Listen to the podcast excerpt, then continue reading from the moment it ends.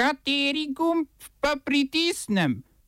Tisti, na katerem piše OF.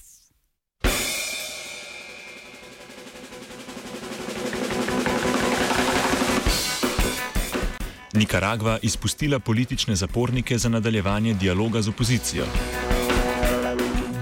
Italija ne bo popravila proračuna kljub opozorilom Evropske komisije o previsokem javnem dolgu. Ameriška vlada uvaja petodstotne carine na vse mehiško blago. V kulturnih novicah pa literarni festival Mesto knjige in razstava v galeriji Kresija.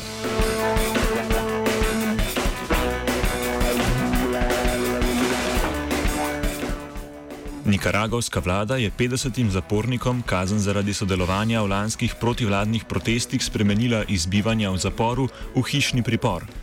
Vlada predsednika Daniela Ortega s tem izpolnjuje obljubo dano opoziciji, ki zahteva izpustitev vseh protestnikov iz zaporov kot nujni pogoj za nadaljevanje pogovorov z vlado.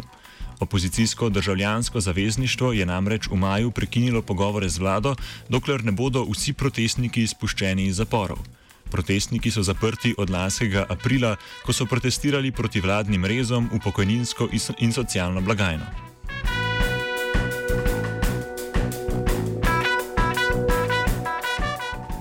Italijanski finančni minister Giovanni Tria je izjavil, da Italija za leto 2019 ne bo izvedla revizije proračuna, kljub opozorilom Evropske komisije, da je višina italijanskega javnega dolga v neskladju s pravili Evropske unije.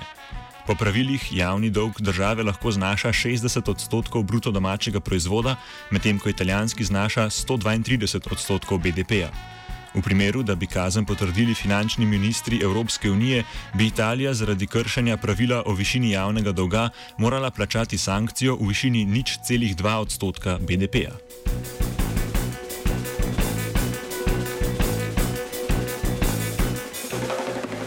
Podpredsednik vlade Mateo Salvini je napovedal, da si bo njegova stranka Liga prizadevala za spremembo tega pravila komisije ter drugih podobnih fizika, fiskalnih pravil, ter da bodo septembra začeli s pripravo proračuna za leto 2020 z novimi nižanji davkov.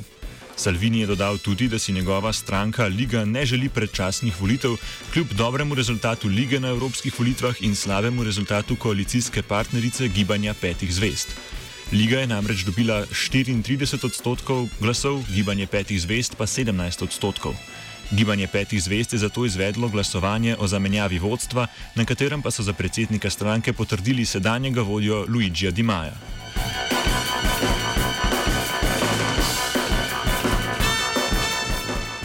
Poleg političnih nesoglasij o naslednjem predsedniku Evropskega parlamenta se v Bruslu odvija drama še z dovoljenji za vstop novoizvoljenih španskih poslancev.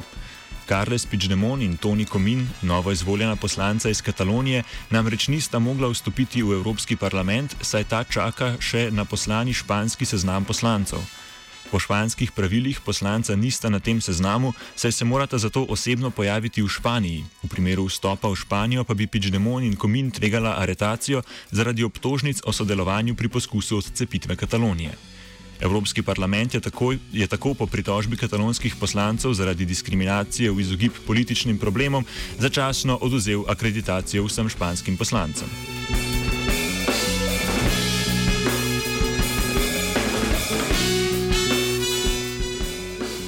Mačarski premijer Viktor Orban uspešno uveljavlja moč, ki mu jo je prinesla okrepljena podpora Fidesa na evropskih volitvah. Vodja njegovega kabineta Gergej Guljes je zatrdil, da je le majhna možnost, da bi se Fides povezal v isto skrajno desno politično skupino, ki jo želi oblikovati predsednik lige Mateo Salvini. Hkrati pa Orban ni izključil možnosti, da bi Fides izstopil iz Evropske ljudske stranke, če bi to bilo v skladu z nacionalnimi interesi Mačarske.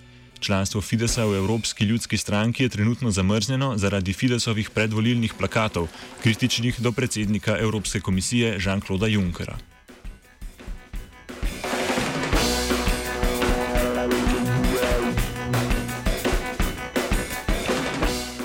Premijer je tudi sporočil, da bo vlada za nedoločen čas zamrznila spreminjanje sodne zakonodaje, ki jo je Evropska komisija ocenila kot neskladno zakonodajo Evropske unije. Orban sicer ustraja, da bi bil nov sistem sodišč skladen z evropsko zakonodajo, a je priznal, da je ocena komisije vplivala na odločitev o zamrznitvi njegovega spreminjanja.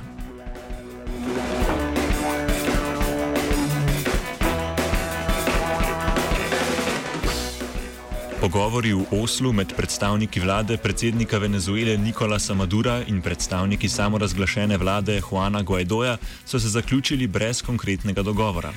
Obe strani sta povdarili, da si, da si želita nadaljevanje medijacije, Guaido pa je v najbolj demokratičnem duhu pozval demokratične ljudi naj nadaljujejo z demokratičnimi protesti in mogoče z državnim udarom.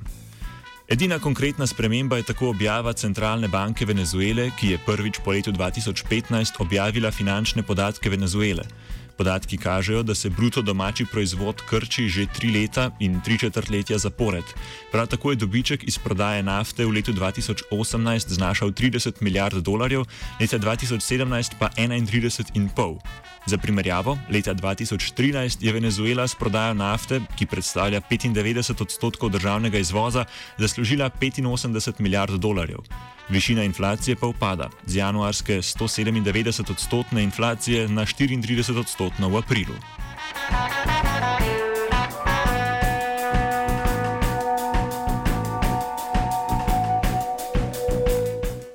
Ameriški predsednik Donald Trump je uvedel petodstotne carine na vse mehiške izdelke ter napovedal mesečno zviševanje carin za pet odstotkov.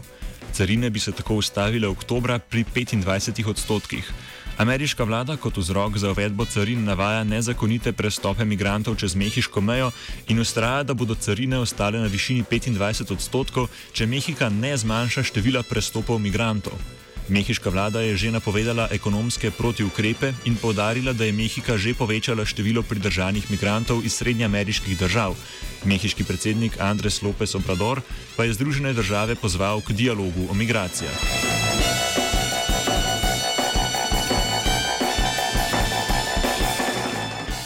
Kosovski zunani minister Beđet Pacoli je na Facebooku napovedal, da bo srpski premijeki Ani Brnabič prepovedal vstop na Kosovo zaradi rasističnih izjav o kosovskem ljudstvu. Premijeka se je na torkove aretacije Srbov odzvala z izjavo, da so glavni kosovski politiki ljudje, ki so dobesedno prišli iz gozda, ter da so teroristi, ki niso bili obsojeni. O torkovih aretacijah in odzivu na nje pa več v kultivatorju ob petih.